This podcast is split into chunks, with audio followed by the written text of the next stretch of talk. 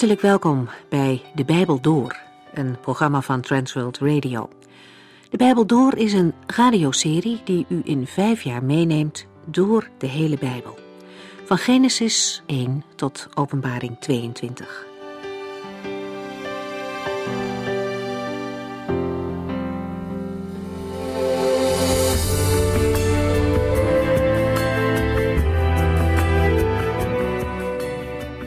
We maken vandaag een begin met de brief die Paulus eens aan de Efeziërs heeft geschreven. Corveda heeft u in de vorige uitzending al verschillende achtergronden van deze brief gegeven en daar kom ik nog even kort op terug voor we straks vers 1 en 2 bespreken. De Efezebrief is een van de brieven die door Paulus vanuit de gevangenis in Rome is geschreven. Het was zijn eerste gevangenschap in Rome in de jaren 60 tot en met 62 na Christus. In diezelfde periode heeft Paulus ook de brieven aan Filemon en de gemeente in Colosse en Filippi geschreven.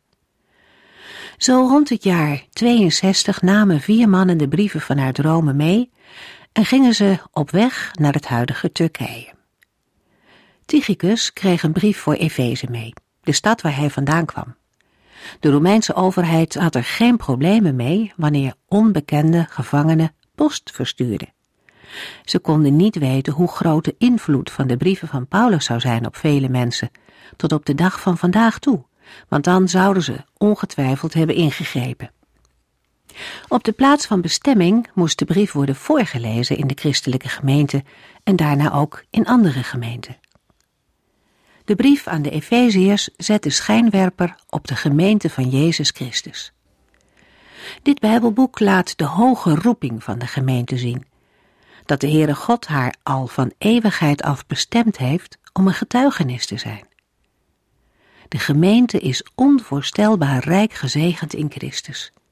En deze brief roept op om dan niet in geestelijke armoede te blijven leven, maar die rijkdom van de Heere te aanvaarden en van daaruit te leven. Een terugkerende uitdrukking in deze brief is in Christus. Dat heeft betekenis zowel voor de positie van een christen als voor de praktijk. Deze brief begint als het ware in de hemel en eindigt in het dagelijks leven. De eerste drie hoofdstukken zijn een opeenvolging van alle hemelse bezittingen en zegeningen van een gelovige. Het zijn allemaal gaven van de Heere. De tweede helft van de brief geeft aanwijzingen hoe een mens met zo'n grootse roeping zich dan ook hoort te gedragen. We maken een begin met hoofdstuk 1.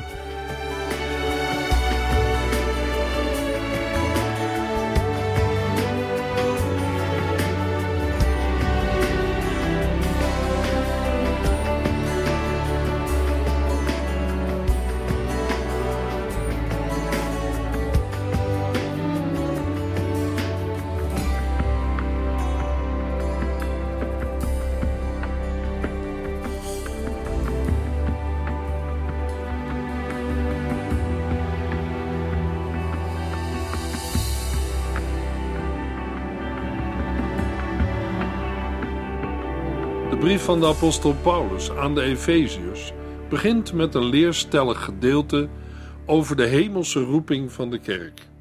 Efeziërs 1 vers 1 en 2 Van Paulus, die door God is aangewezen als apostel van Jezus Christus, aan alle gelovigen in de stad Efeze, die Christus Jezus trouw volgen.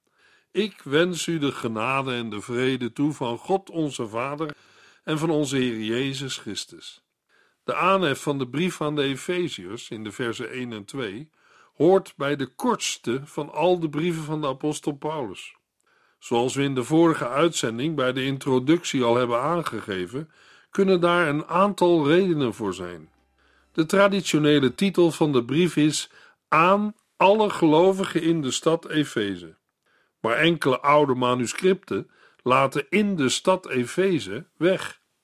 Dit heeft ertoe geleid dat een aantal uitleggers de traditionele opvatting in twijfel trekken. De boodschap van de brief is dan niet specifiek aan de Efeziërs gericht. Deze keuze suggereert dat de brief een rondschrijven was van Paulus aan de christengemeenten van Azië.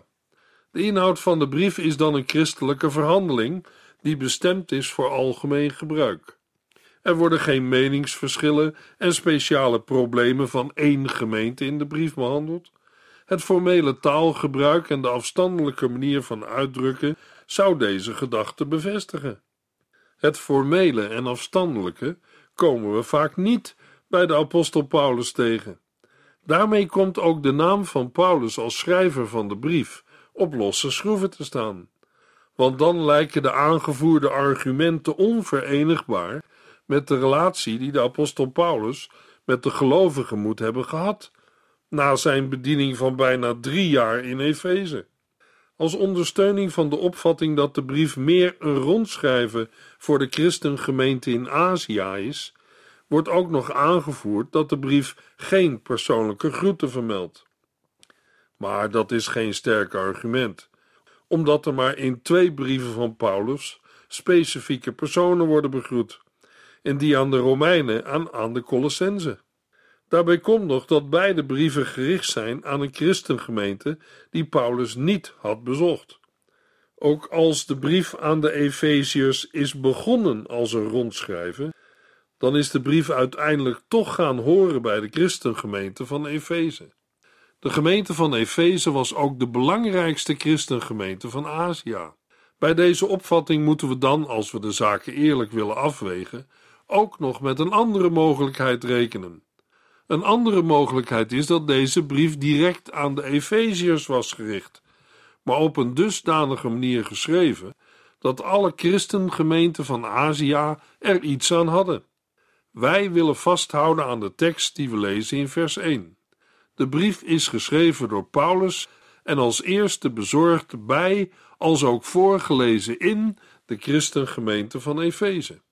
Door de inhoud en de boodschap van de brief is de brief daarna ook voorgelezen in andere christengemeenten in Azië. Paulus stelt zich aan de lezers voor als gevolmachtigd gezant apostel van Jezus Christus, of, naar sommige handschriften, van Christus Jezus. Als Christus, dat is Messias, wat gezalfde betekent voorop staat, valt er meer nadruk op deze titel van de heiland dan wanneer de persoonsnaam Jezus het eerst komt. Hierbij kunnen we denken aan de uitspraak van Petrus in Matthäus 16, vers 16.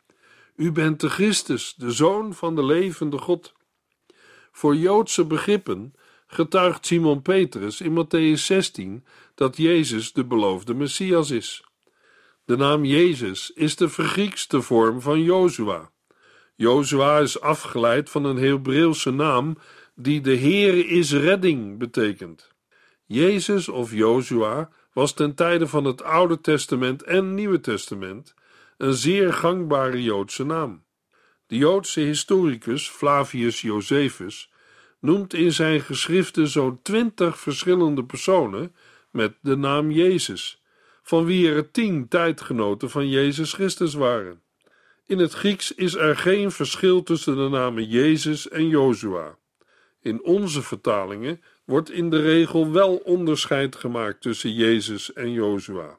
Waar het, zoals bijvoorbeeld in de vier evangeliën, gaat om zijn historische verschijning, de mens Jezus, wordt meestal de naam Jezus gebruikt, of wordt hij net als zijn tijdgenoten vernoemd naar de plaats waar hij vandaan kwam, Jezus van Nazareth.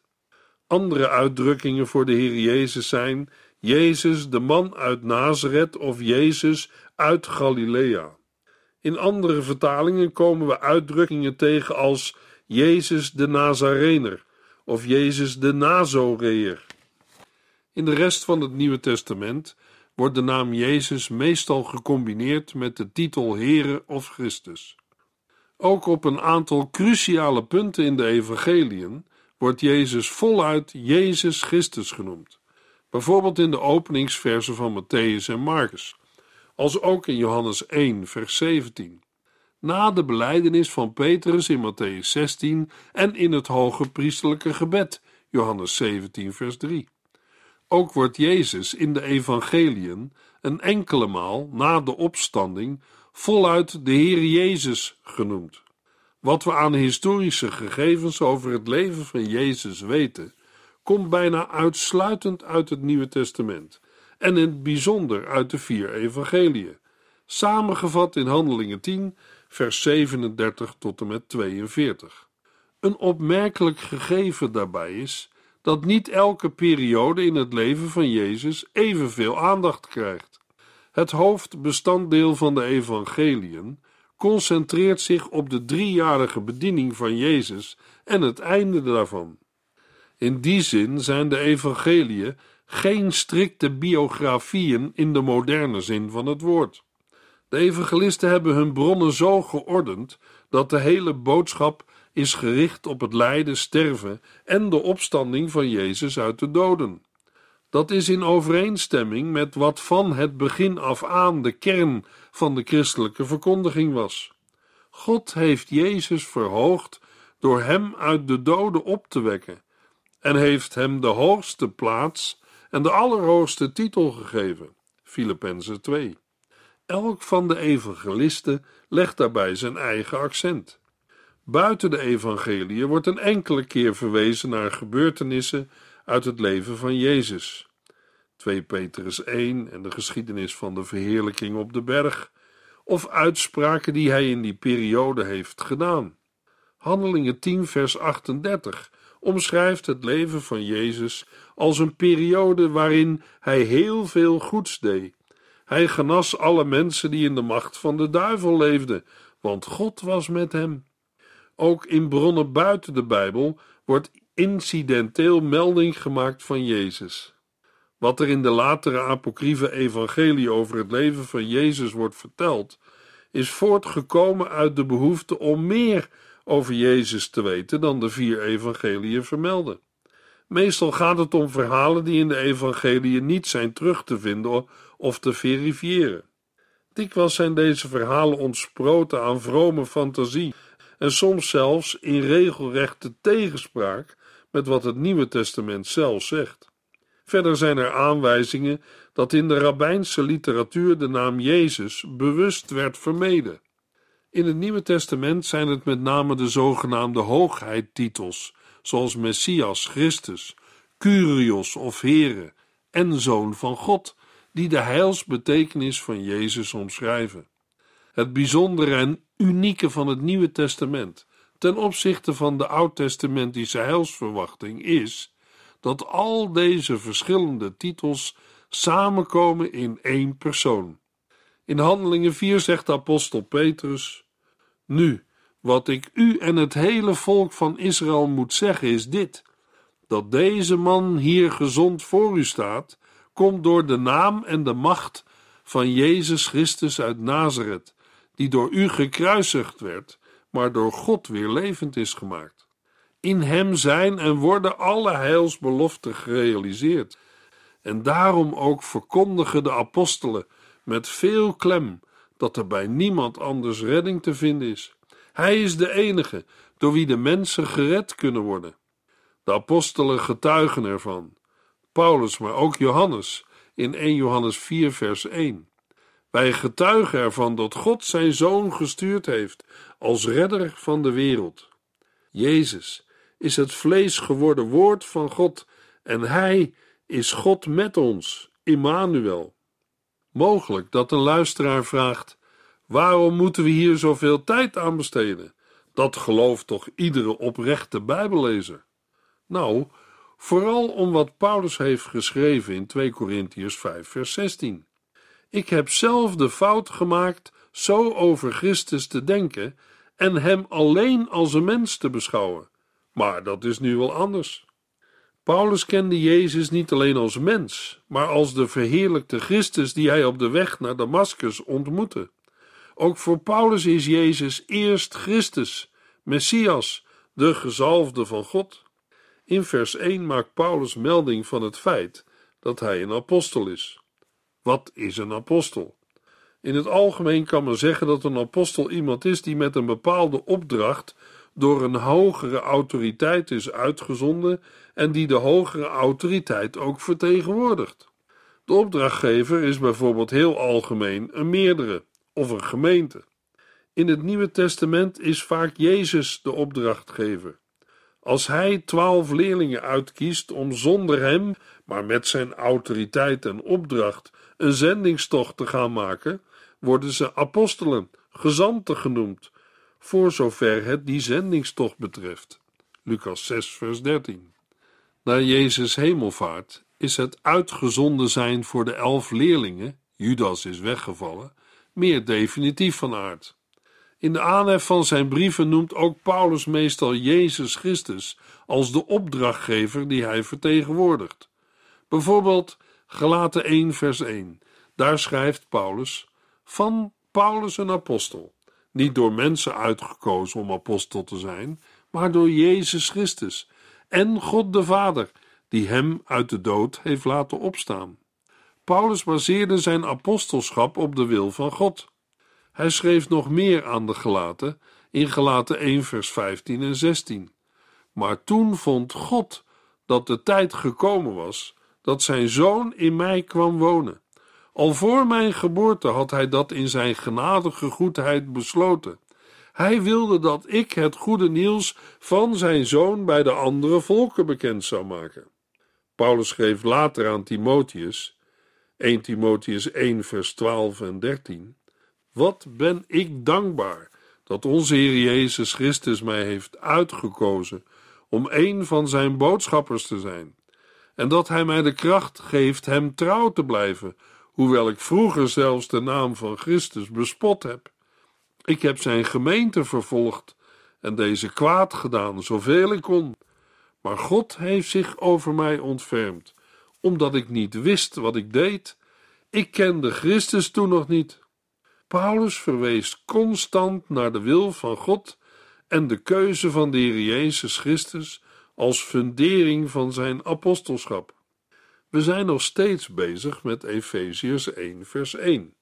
Paulus schrijft: Aan alle gelovigen in de stad Efeze die Christus Jezus trouw volgen. Voor het woord gelovigen staat in het Grieks het woord heiligen. Het heilig zijn is een eigenschap van personen en zaken die bij God horen en daarmee apart staan of afgezonderd zijn van de profane zondige wereld. In het Nieuwe Testament wordt op meerdere plaatsen de Heilige Geest heilig genoemd, ter onderscheiding van geesten en demonen die niet bij God horen. Minder vaak wordt God de Vader of Jezus heilig genoemd, wat niet betekent dat ze niet heilig zijn. Verder worden allerlei personen en zaken die tot de omgeving van God horen, in de Griekse grondtekst heilig genoemd. Een volk, gemeenteleden en gelovigen, de stad Jeruzalem, het verbond met Abraham, de boeken van het Oude Testament en Gods gebod. De zaken die genoemd zijn, worden in verschillende Bijbelvertalingen niet altijd met heilig vertaald. Maar in de Griekse grondtekst vinden we wel steeds het Griekse woord voor heilig. Daarbij moeten we goed bedenken dat de genoemde zaken en personen niet heilig zijn in zichzelf of vanwege de manier waarop ze handelen. Mensen die tot geloven in Christus zijn gekomen, worden heiligen genoemd. En dat is vanwege hun positie in Christus. Ze behoren Hem toe, om door Hem te worden gebruikt. Heilig betekent niet zondeloos, maar afgezonderd en apart gezet voor de dienst in het koninkrijk van God. Maar voor wie geldt dat? Paulus schrijft het erbij: aan alle gelovigen die Christus Jezus trouw volgen. Het woord gelovigen heeft betrekking op personen die vertrouwen op of geloven in iets of iemand. In het Nieuwe Testament gaat het daarbij altijd om vertrouwen op of geloven in God en Jezus Christus. Ook waar dat niet expliciet wordt genoemd. We lezen bijvoorbeeld in Handelingen 10, vers 45 over Joodse volgelingen of gelovigen uit de besnijdenis. Dat wil zeggen, Joodse christenen. En dat de moeder van Timotheus een gelovige Joodse christin wordt genoemd. Dat wil zeggen, een Joodse vrouw die het christelijk geloof aanhangt. We zagen al dat gelovigen ook heiligen worden genoemd. Maar in Openbaring 17, vers 14 worden ze ook met geroepenen en uitverkorenen aangeduid. Op een aantal plaatsen in de Bijbel staat het woord gelovigen tegenover ongelovigen of niet gelovend, ook voor ongeloofwaardig en onbetrouwbaar. Voor de zinsnede gelovigen die Christus Jezus trouw volgen, staat in het Grieks gelovigen in Christus Jezus. De uitdrukking in Christus zullen we ook in volgende programma's nog verder uitdiepen. Nu gaan we kort in op de betekenis. Wat betekent het werkelijk om gered te zijn? Paulus verwoordt het in de brief aan de Efeziërs. Dat betekent in Christus zijn. Dat wordt zichtbaar in het trouw volgen van Jezus. Een gelovige is onherroepelijk en organisch verbonden met Christus, samengevoegd tot één lichaam door de Heilige Geest. De Heer Jezus zegt in het bekende hoofdstuk over de ware wijnstok, Johannes 15, vers 4: Blijf in mij, dan blijf ik in jullie. Net zoals een rank alleen maar vrucht kan dragen als hij is geënt op de wijnstok, kunnen ook jullie alleen maar vruchtbaar leven als jullie in mij blijven. Laten we de tijd nemen om zorgvuldig de brief aan de Efeziërs te lezen en te overdenken. In de Bijbel kun je prachtige geschiedenissen lezen over hoe de Heere mensen leidt en roept. Bijvoorbeeld als de Heere tegen Jozua zegt in Jozua 1 vers 2: Leid mijn volk over de Jordaan, het beloofde land binnen. Dan weet ik dat de Heere niet tegen mij praat, maar bevelen geeft aan Jozua. Toch kan ik uit de geschiedenis van Jozua dingen leren en heeft zijn geschiedenis ook voor mij een toepassing. We kunnen het lezen in Jozua 1 vers 10. Toen gaf Jozua de leiders van Israël opdracht het volk te zeggen dat het zich moest klaarmaken voor de overtocht over de Jordaan. Jozua gehoorzaamt de Heere en gaat over tot handelen. Na de opdracht van de Heere kan en wil Jozua niet passief blijven. Ik ben er bijna zeker van dat hij heel wat uitvluchten had kunnen bedenken om het niet te doen. Waarschijnlijk zouden wij er ook alle begrip voor hebben gehad, maar de Heere niet. Want als God wat vraagt, geeft Hij ook de kracht om het te volbrengen. Over die kracht en bijstand lezen we in vers 2. Ik wens u de genade en de vrede toe van God, onze Vader, en van onze Heer Jezus Christus. Wat in de brieven meestal een groet is, is nu een zegen geworden. De lezers en hoorders wordt genade en vrede toegebeden. De woorden genade en vrede maken ook deel uit van de hoge priesterlijke zegen die dagelijks over het volk Israël werd uitgesproken. Genade spreekt van Gods liefdevol omzien naar zijn volk en zijn zorg voor de gelovigen. Vrede, dat wil zeggen shalom, heil, alomvattend welzijn, vloeit daaruit voort. We gaan de verschillende woorden nog wat meer uitdiepen. In het Nieuwe Testament wordt het woord genade met name gebruikt voor Gods houding van genade of welgevallen naar mensen toe. Deze genade wordt gesteld tegenover recht of verplichting en er zelf iets voor doen, bijvoorbeeld goede werken. Het opvallende is dat genade onverdiend is, aangezien genade geen oorzaak vindt in de mens, maar in de Heere zelf.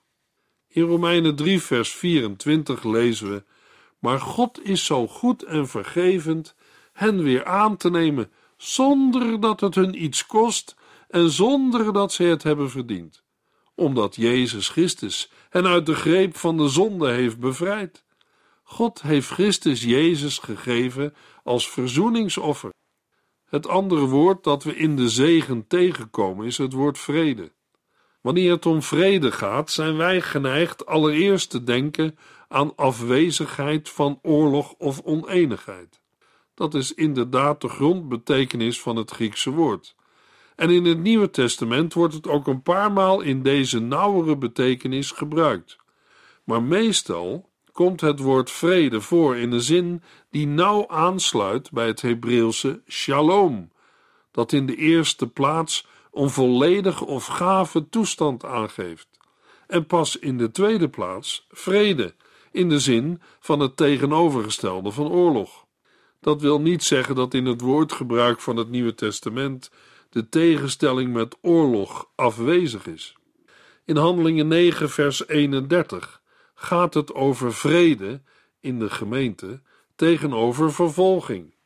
In Handelingen 7, vers 26 over vrede tussen landgenoten tegenover een slaande ruzie. En in Romeinen 5 gaat het over vrede met God tegenover vijandschap. Toch stijgt de betekenis van het woord vrede in de Bijbel vaak boven de genoemde betekenis uit. De sleutel tot het begrip vrede in het Nieuwe Testament vinden we vooral in twee teksten. De eerste is Johannes 14, vers 27, waar Jezus zegt dat de vrede die Hij geeft niet is zoals de wereld die geeft. En de tweede in Filippenzen 4, vers 7, waar Paulus het heeft over de vrede van God. Dat is de vrede die bij de Here hoort en van Hem afkomstig is, een vrede die alle verstand te boven gaat. Daarom wordt de Heere ook de God van de vrede genoemd en wordt de Heer Jezus onze vrede genoemd. Deze vrede, die een kenmerk is van het koninkrijk van God, sluit wanorde uit en verenigt waar eerst een muur van vijandschap was. Deze vrede wordt als evangelie verkondigd sinds de komst van de Heer Jezus. Vandaar ook de uitdrukking: het goede nieuws van de vrede met God. Met het woord God wordt in de Bijbel vaak God de Vader bedoeld. Hij wordt in het bijzonder aangeduid als de Vader van zijn verbondsvolk. Zo zeggen de Joden in Johannes 8: Niemand anders dan God is onze Vader. Paulus noemt aan het begin van zijn brieven de Heere regelmatig God onze Vader. In Efeze 4, vers 6 wordt de Heere genoemd en wij hebben allemaal één en dezelfde God en Vader die boven ons allen staat, die in ons allen is en door ons allen werkt. Met allen wordt in dit verband alle gelovigen bedoeld. De Heer is in het Nieuwe Testament bovenal de Vader van de Heer Jezus Christus. De Heer Jezus zelf sprak God aan met het Arameese woord Abba, dat vader betekent. Hij noemde God zijn vader. Luisteraar, ook ik wens u de genade en vrede van God toe. In de volgende uitzending lezen we verder in Efeziërs 1.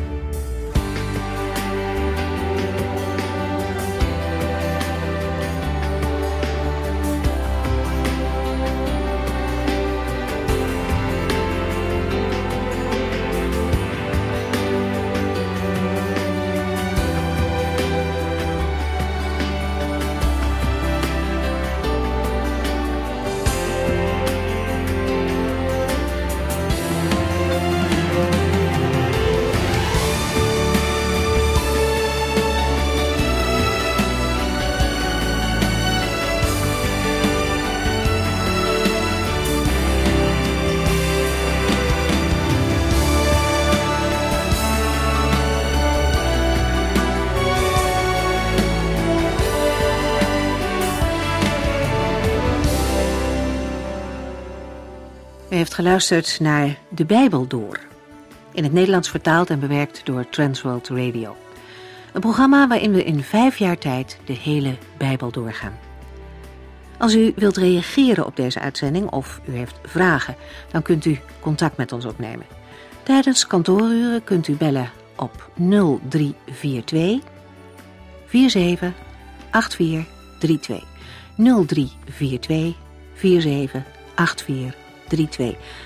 Ook kunt u een e-mail sturen naar de Bijbel door transworldradio.nl en natuurlijk kunt u ook via de post ons bereiken.